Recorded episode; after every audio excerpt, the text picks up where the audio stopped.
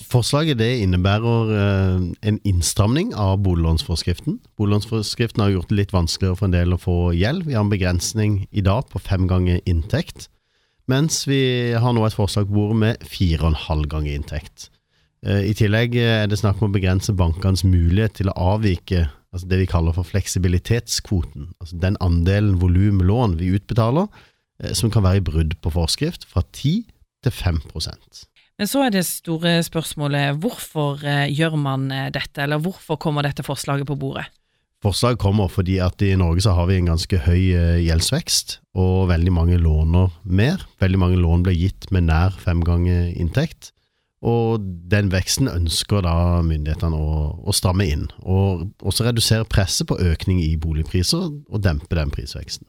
Og I Finansposten i dag så snakker vi om boliglånsforskriftene. Finansdepartementet har nå sendt reglene ut på høring. Finanstilsynet de vil ha klare innskjerpinger her. Og Sveinung Hedding Valvig, vi har snakka litt om hva og hvorfor, men kanskje vi også skal snakke litt om hva dette her faktisk betyr? Ja, det betyr jo det at i dag med en inntekt på 500 000, så kan du ha en total belåning på 2,5 millioner. Med det nye forslaget så vil du ha en maksimal belåning på 2 250 000. Altså 4,5 ganger den halve millionen du tjente. Eh, I tillegg, som vi husker på, du skal da låne dette bolig, så vil de også trekke av det du har i billån, studielån, eventuell eventuelt fellesgjeld osv., som er knytta til din låneforpliktelse.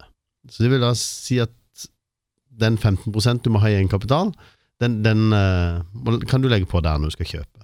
Det er kanskje ikke alle som er klar over det du nå sier, dette med disse andre lånene som blir trukket fra?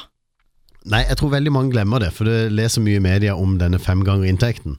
Og så er det mange som ser på bolig, kommer løpende til banken, sier her kan jeg låne to og en halv. Men vi må også i forhold til dette regelverket tenke på eh, hva du skal ha igjen å leve for i forhold til din familiesammensetning. Du skal ha egenkapitalen, og som sagt, vi må trekke all gjeld. Og typisk når du nå i dag kan låne to og en halv, som vil bli 2250, så må vi gjerne trekke av 400 000 i studiegjeld, 100 200 000 i billån, kanskje 40 000-50 000 i usikra lån, kreditter, for da er det kredittrammene som teller, ikke trukket kreditter. Det kan bli eh, nye regler i boliglånsforskriftene hvis eh, Finanstilsynet får det sånn som eh, de ønsker.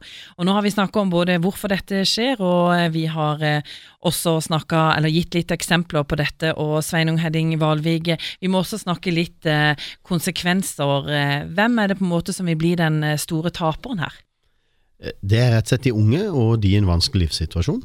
Eh, for det er hovedsakelig der vi bruker muligheten til å gjøre avvik i, eh, i DNB. Eh, og vi er jo den største banken i Norge, så er det vi som gir mest avvik i volum, i antall.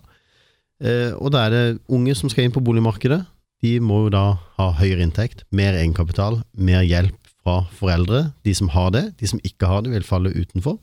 Og så er det, skal vi ned på 5% så er det også de som kommer i en vanskelig situasjon. Samlivsbrudd vi har eksempel med eldre som bryter boligforskriften, som har verdifulle hus, men kanskje trenger penger til vedlikehold og nødvendige oppgraderinger. Og Da snakker vi ikke luksusoppgraderinger, da snakker vi tak og bad som lekker og ting som må gjøres.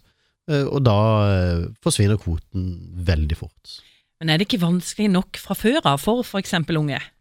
Jo, vi i DNB syns jo det at det er altfor vanskelig per i dag. At det, det holder med det nivået vi har nå. Eh, og vi ser jo at vi klarer å, løse mange saker innenfor det handlingsrommet vi har på 10% 5% så forsvinner jo vår mulighet til å drive godt bankhåndverk og hjelpe de unge som har gode jobber og, og har kommet godt i gang.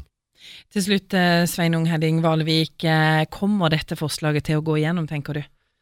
Det blir jo spekulasjon, men jeg kan i hvert fall love at vi i DNB kommer til å kjempe for å få et mer balansert forslag og hjelpe de gruppene som her blir ramma.